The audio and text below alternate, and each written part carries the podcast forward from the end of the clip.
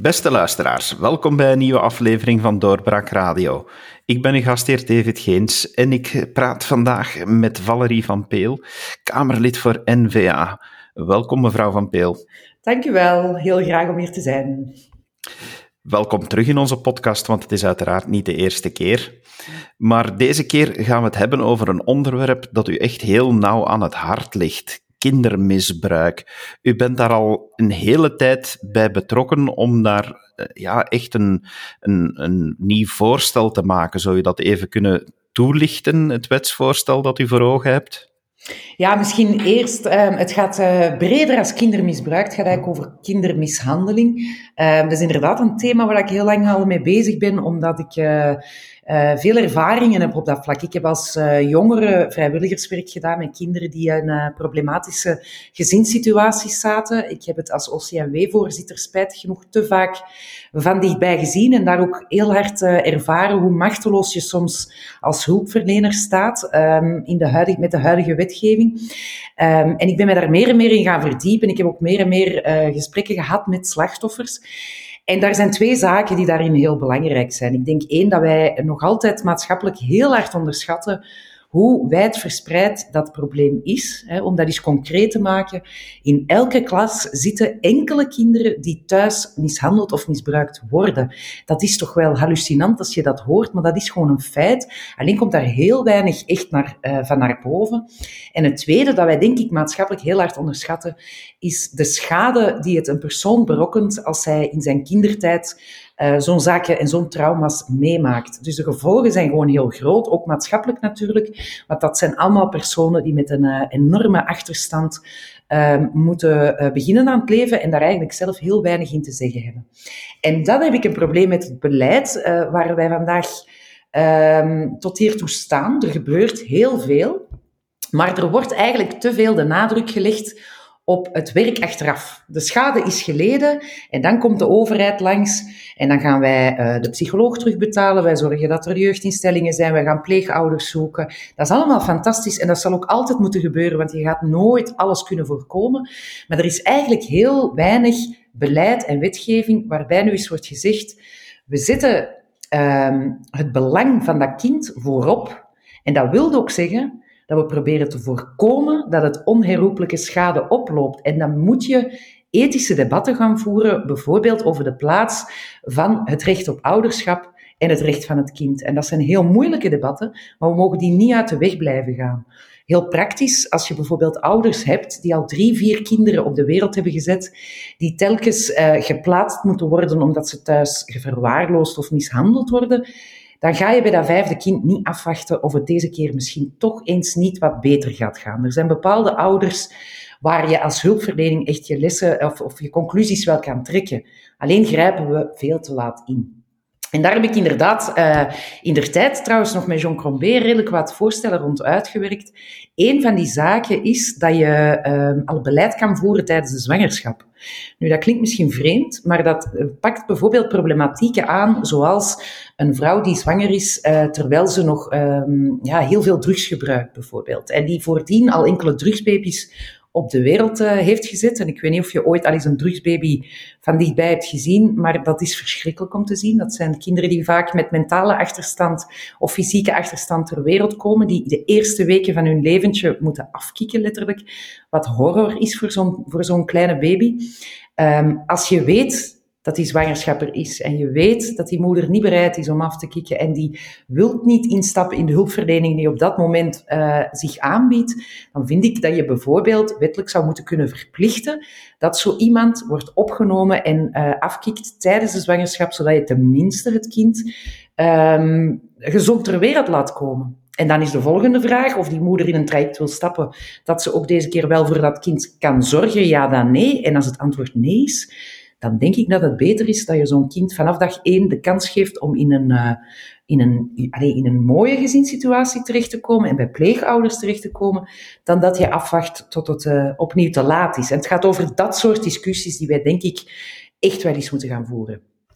Dat zijn inderdaad heel ethische discussies die gevoerd moeten worden, want het recht op ouderschap is op dit moment min of meer absoluut. Er kan niemand ontzegd worden om ouder te zijn. Ik, uh, ik heb zelf al verschillende keren vastgesteld dat je in ons land voor de kleinste zaken vergunningen moet nodig hebben, maar niet voor ouderschap dus is het, ik kan me toch wel inbeelden dat dat zeer moeilijk is om daar over alle partijgrenzen heen een, een zeer diep debat te voeren op dit moment. Het is in ieder geval een debat. Je moet beginnen met het te durven voeren. En dat is soms al moeilijk, want het wordt zo snel de kiem gesmoord met one-liners die het op flessen trekken. Je moet het durven voeren, maar je moet natuurlijk genoeg nuance aanbrengen. Dat vind ik ook, want het voorbeeld dat u geeft Um, er zijn mensen die pleiten voor een examen voor het ouderschap. Maar ja, wie gaat dat examen uitschrijven en wie gaat nu eens even uh, beslissen? Ik hoop toch al niet de overheid wat een goede ouder is en wat niet.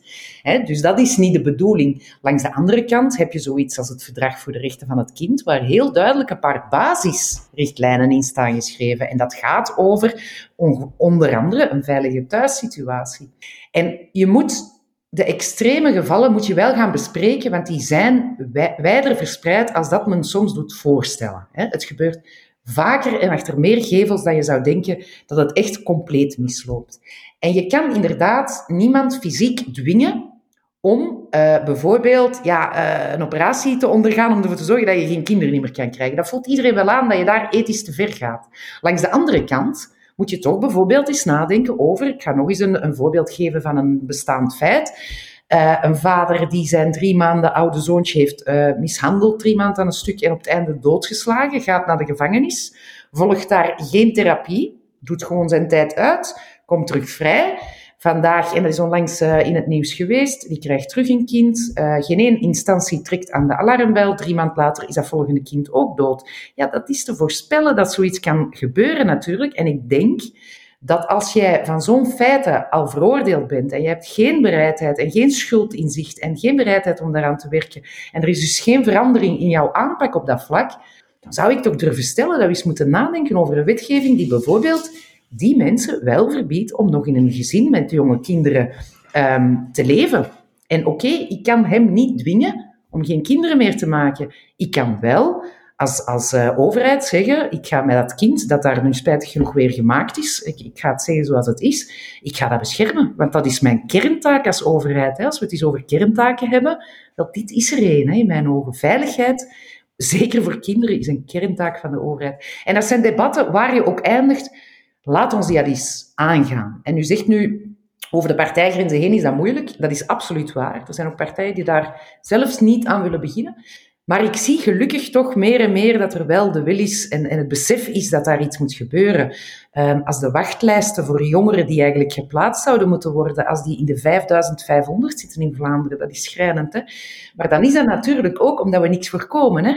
We zitten altijd, we gaan proberen met de schade uh, aan de slag te gaan, maar we voorkomen niks. Dus mensen beginnen wel te beseffen, horen ook vanuit de hulpverlening, want daar wordt fantastisch werk gedaan, hè, pas op, maar horen ook vanuit de, vanuit de hulpverlening dat het vaak dweilen is met de kraan open, dat zij dingen zien gebeuren en dat ze niet de middelen hebben om eigenlijk er echt tussen te komen. Dus die wil is groter. Uh, neem nu Conor Rousseau van SPA, dat is nu iemand die daar bijvoorbeeld uh, ook heel gevoelig voor is en ook al uitspraken heeft gedaan om dat debat aan te zwingelen. Maar uh, neem ook een Joachim Koens van CD&V, die ook zeer erg open staat voor dat debat.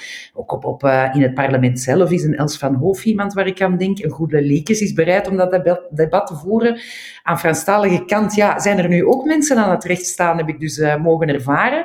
Dus er begint toch wel ja, tussen parlementsleden en, en, en, politici die echt gewoon authentiek aan de slag willen gaan en daar nu eens geen politiek spel van willen maken, een zekere bereidheid um, te komen. En dan denk ik, ja, laat ons dat maar aanpakken en uh, vooruit gaan. Zit er een verschil op de ethische visie tussen Vlaanderen en Wallonië in deze? Of uh, is dit nu eens een element waar we zeggen van daar trekt iedereen dezelfde, aan hetzelfde zeel? Stel u voor, stel u voor. nee, ik, ja, er zit wel toch een verschil, denk ik. Uh, maar ik hoop dat we dat gaan kunnen overstijgen met de werkgroep die ik nu aan het opstarten ben. Maar er zit wel een verschil. Ik heb dat ervaren uh, ook met het, de vorige discussie rond de afschaf van de verjaring um, van kindermisbruik. Uh, dat is een wetsvoorstel van mij en John Crombé geweest dat uiteindelijk gestemd is geraakt, waar decennia geen meerderheid voor te vinden was, maar gelukkig nu wel. Met het argument, en ik denk het valabele argument, dat bij uitstek kindermisbruik een misdaad is waarbij het slachtoffer pas na decennia praat. Dat is spijtig genoeg heel eigen aan dat soort trauma op jeugdige leeftijd. En is trouwens ook iets dat de daders ook heel hard in de hand werken. En dat ertoe leidt dat er tot hiertoe, uh, wat kindermisbruik betreft, heel weinig daders echt gestraft zijn geworden. Dus daar had je een, een objectief feit dat, dat, dat goed sprak, dat je daarvoor de verjaring zou opheffen, omdat heel veel slachtoffers pas praten als de verjaring al gedaan is uh, vandaag. Dat is ons gelukt. We hebben daar de Franstalige partijen uiteindelijk wel in meegekregen. was niet zo simpel. Maar wat zie je meteen, en dat is toch iets dat ik aan deze kant van de taalgrens toch niet... Allez, het is ook niet gebeurd, maar ook niet had verwacht, is dat daar dus de Franstalige magistraten naar het grondwettelijk hof zijn gestart, eh, gestapt. En die uitspraak moet spijtig genoeg nog komen om die verjaring dus terug in te voeren. En blijkbaar geeft dat geen deining in de Franstalige maatschappij, terwijl ik kan mij niet voorstellen dat had men dat aan de Vlaamse kant gedaan, ja, dat hier niet iedereen op zijn achterste poten had gestaan. Op een of andere manier, ja, heeft men daar nog meer moeite met over ja, over dat, uh, die, die, dat soort problematieken naar boven te halen, heb ik soms de indruk. Uh, men wil, zit daar nog iets meer in een ontkenningsfase, of, of ik weet niet wat het precies is, maar het is hetzelfde met als ik spreek over de bescherming van het ongeboren kind. Dan heeft men in Franstalig België meteen uh, de reflex om te zeggen, ja, dat, jij wilt gewoon dat abortus voor niemand niet meer kan. Terwijl die twee discussies kunnen perfect naast elkaar bestaan. Dat bewijst ook Nederland, waar die twee discussies al wel uitgeklaard zijn. Maar daar wordt daar heel moeilijk en heel ja, um, dogmatisch op gereageerd. En dat, uh, die gevoeligheid voel ik toch minder aan Vlaamse kant eigenlijk. Wat zijn de stappen die u nu wil ondernemen? U bent bezig met een werkgroep, heb ik, heb ik begrepen. Ja, ik heb uh, op een bepaald moment um, een contact gehad, een mail gekregen van uh, Walsminister Jean-Luc Cruque van MR. Dat is een minister van begroting in de Franse gemeenschapsregering. Uh, dus dat is nu niet meteen degene die daarover verwacht, maar die mij eigenlijk had gemaild om te zeggen uh, dat hij het ook beu was dat daar een politiek spelletje op dat thema werd gespeeld en dat hij mij wou helpen. En die heeft mij in contact gebracht met een partijgenote van hem, Sabine Laruelle nog wel bekend bij ons, denk ik, want is vroeger minister geweest, maar is nu parlementslid uh, ook in de gemeenschapsregering. Um, om eigenlijk samen met haar die werkgroep te gaan trekken. En wat is eigenlijk het concept? Het is zo dat de wetten rond kinderbescherming en alles dat met kindermisbruik en mishandeling te maken hebben, zoals steeds in dit land, zitten die verspreid over de verschillende bevoegdheidsniveaus natuurlijk. Je hebt eigenlijk de preventie en het curatieve dat eerder Vlaams zit, maar dan het gerechtelijke en het uh, strafrechtelijke dat eerder uh, federaal zit. Hè. Dus je doet altijd half werk als je eraan begint. Dat, wat heel frustrerend is met zo'n thema, denk ik, want dat mag je nooit half doen. Um, hangt ook allemaal samen. Dus dat was één uh, bezorgdheid waarin, waarin hij zei, laat ons nu eens even uh, die bevoegdheidsniveaus weggooien. Laat ons uh, het proberen te doen op alle niveaus en laat ons de partijgrenzen uh, ook eens vergeten en het meerderheid-oppositieverhaal. Want je hebt natuurlijk op die verschillende niveaus verschillende meerderheden, dus we gaan er anders nooit komen. Ja, dat was helemaal recht in mijn kar, want dat is eigenlijk de manier van werken die ik altijd ook een beetje probeer te doen rond zo'n thema's, die volgens mij ah, toch geen politieke agenda's verdragen. En uh, ja, wij zijn eigenlijk direct aan de slag gegaan. We hebben experten gebeld uh, die, om te vragen of ze wilden meewerken aan eigenlijk een nieuw experiment, waarbij we um, verschillende parlementsleden van verschillende partijen en verschillende niveaus maar die allemaal echt oprecht iets willen doen aan deze problematiek en die oprecht en authentiek gewoon eens vooruit willen en even wars van hun eigen partij willen praten. Uh, laat ons die eens samenzetten, laat ons werkgroepen uh, creëren waar de experts ook bij betrokken zijn. we gaan weer niet doen alsof wij het altijd allemaal beter weten. We weten een richting, maar we weten nog niet waar we gaan eindigen. En laat ons zorgen dat we binnen dit en een jaar eindigen met teksten op alle niveaus, waarvoor op voorhand al een meerderheid is. Of dat ze nu in de oppositie of in de meerderheid zitten, maakt niet uit, maar een meerderheid. En ja, ik moet zeggen, dat is zoiets waar je aan begint en waar je denkt, ja, dat klinkt weer allemaal mooi, maar oh, ik ben zo al wel eens vaker aan zaken begonnen die dan uh, heel rap naïef bleken te zijn. Maar ik moet zeggen dat ik tot hiertoe um, eigenlijk al voldoende mensen heb weten te verzamelen en dat Sabine Laruelle langs haar kant eigenlijk net dezelfde oefening met evenveel succes aan het maken is, om toch te beginnen geloven dat dit wel eens kan lukken. En dit eindigt natuurlijk in het parlement. Hè. Vanaf dat die teksten en die afspraken er zijn, zal dat de parlementaire procedure doorlopen. Maar dan start je niet, zoals veelal nu, met een wetsvoorstel dat in een commissie komt, waarbij iedereen al zonder het te lezen weet dat hij voor of tegen gaat stemmen. En dat is spijtig genoeg vaak een realiteit uh, vandaag in het parlement. Dus dat willen we eens doorprikken. En ik heb er belachelijk veel zin in eigenlijk. Dat is heel mooi dat u er zin in hebt van. En waar wil u dan naartoe werken? Want dit gaat dan toch veel breder gaan dan één element in, in een wet die moet veranderd worden. Dit is toch een globale visie die, die op heel veel bestaande wetgeving gaat ingrijpen, neem ik aan. Absoluut. Dit zal een, omslag moeten zijn. Dit zal eens een doorlichting moeten geven van onze aanpak tot nu toe op de verschillende niveaus.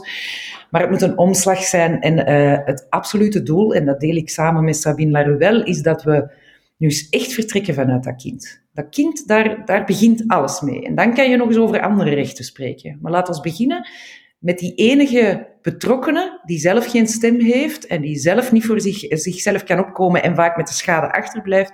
En laat ons daar de stem van zijn. En als je daarmee begint, dan ga je op andere wetgeving komen als vandaag het geval is. Want dan ga je ook preventiever durven denken.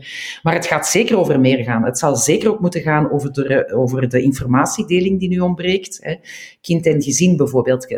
Ziet elk eh, pasgeboren kindje maar weet niet, niets van de situatie van de ouders die voor, zich zitten, voor hem zitten, terwijl dat soms wel nodig is. Vaak zijn die, die ouders wel gekend of is er al een geschiedenis met andere kinderen. Dat zijn zaken die kind en gezin moet weten, om ook te weten op welke manier ze moeten opvolgen. Dus informatiedeling zal een belangrijk aandachtspunt zijn. Dan krijg je de discussie rond het beroepsgeheim, ook weer een heel gevoelige, maar ook één waarvan ik denk dat het beroepsgeheim uh, heel belangrijk is, maar nooit de bedoeling heeft gehad om absoluut te zijn. En als er een acuut gevaar is voor een kind, dan mag het voor mij niet gelden. Je stuurt geen kind naar huis als je weet dat het gaat mishandeld of misbruikt worden, want je, je kan de schade nooit meer goed maken. Dus dat zijn toch discussies die bijvoorbeeld ook aan bod moeten komen. Maar we gaan het ook over de wachtlijsten moeten hebben. We gaan het moeten hebben over projecten waardoor je meer pleegouders kan uh, screenen en, en kan bereiken. Uh, we gaan het over heel veel moeten hebben uh, daar rond. En we gaan, en dat is ook niet onbelangrijk, maar dat is de laatste jaren gelukkig ook al wel wat bezig. We gaan ook de maatschappij wakker moeten, moeten schudden. En dat doe je pas als je natuurlijk dat thema elke keer opnieuw in de, in de aandacht brengt. We gaan de maatschappij moeten wakker schudden op vlak van durven je mond open trekken. Um, dit is niet nieuw, kindermisbruik of kindermishandeling. Dit is een problematiek die uh, er altijd al geweest is en die spijtig genoeg ook altijd al wijd verspreid is en die zich situeert in alle lagen van de bevolking, maar die al die decennia doodgezwegen is. Er is altijd veel geweten geweest in een straat, in een familie, in een school, in een sportclub.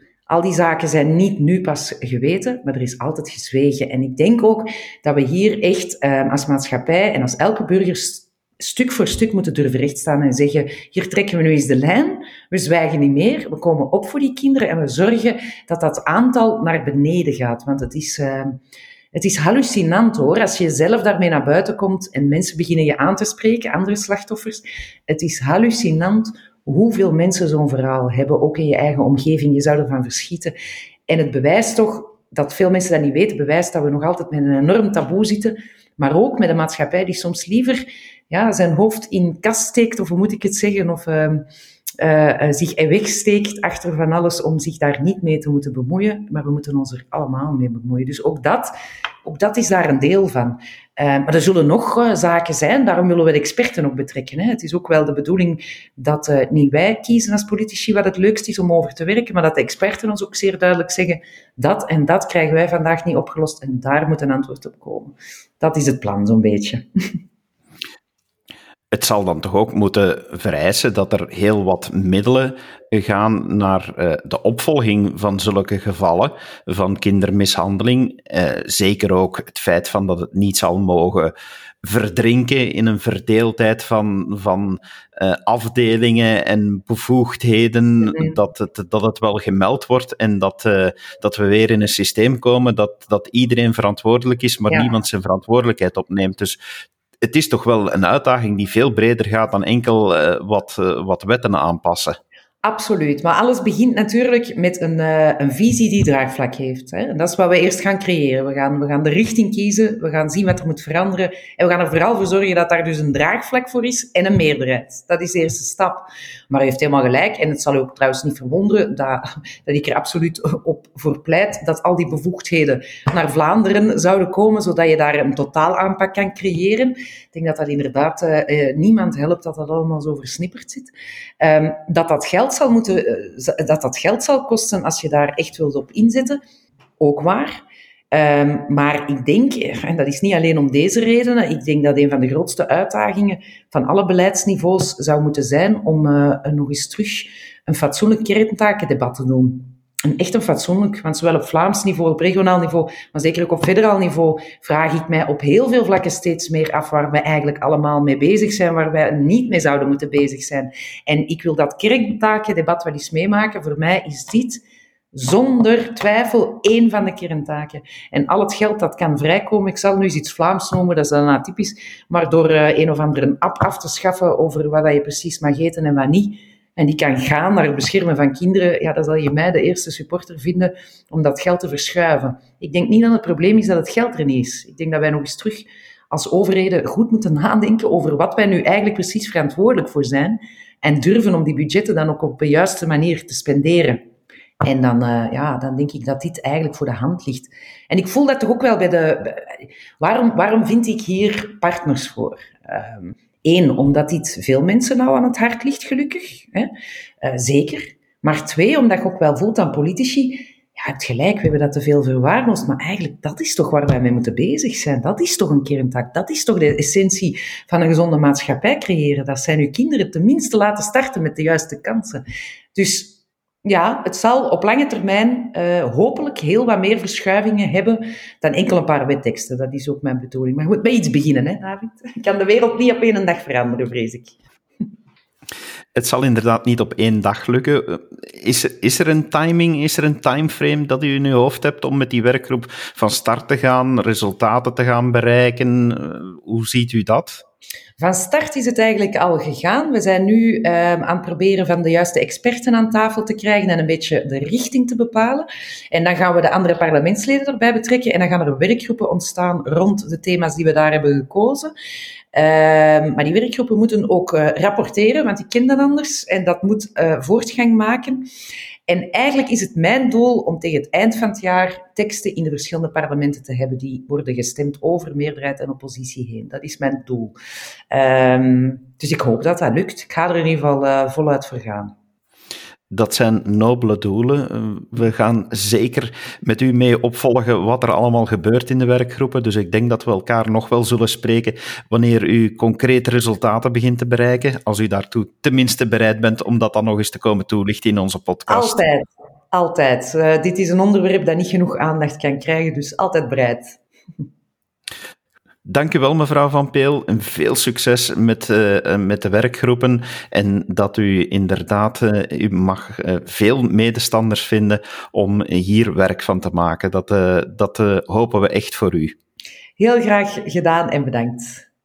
En u, beste luisteraar, dank u wel dat u geluisterd hebt. Hopelijk hebt u ook uh, wel wat bijgeleerd over het initiatief van mevrouw Van Peel en ziet u in dat het echt wel tijd is om te werken aan uh, partijoverschrijdend uh, initiatieven, maar ook regio-overschrijdende initiatieven om kindermishandeling beter aan te pakken, want ieder kind dat mishandeld wordt, is er inderdaad één te veel. Dank u wel voor uw luisterbereidheid en graag tot een volgende keer. Dag. Dit was een episode van Doorbraak Radio, de podcast van doorbraak.be. Volg onze podcast op doorbraak.be/slash radio of via Apple Podcasts, Overcast of Spotify. Bezoek ook onze website op doorbraak.be en steun ons door een vriend te worden van Doorbraak.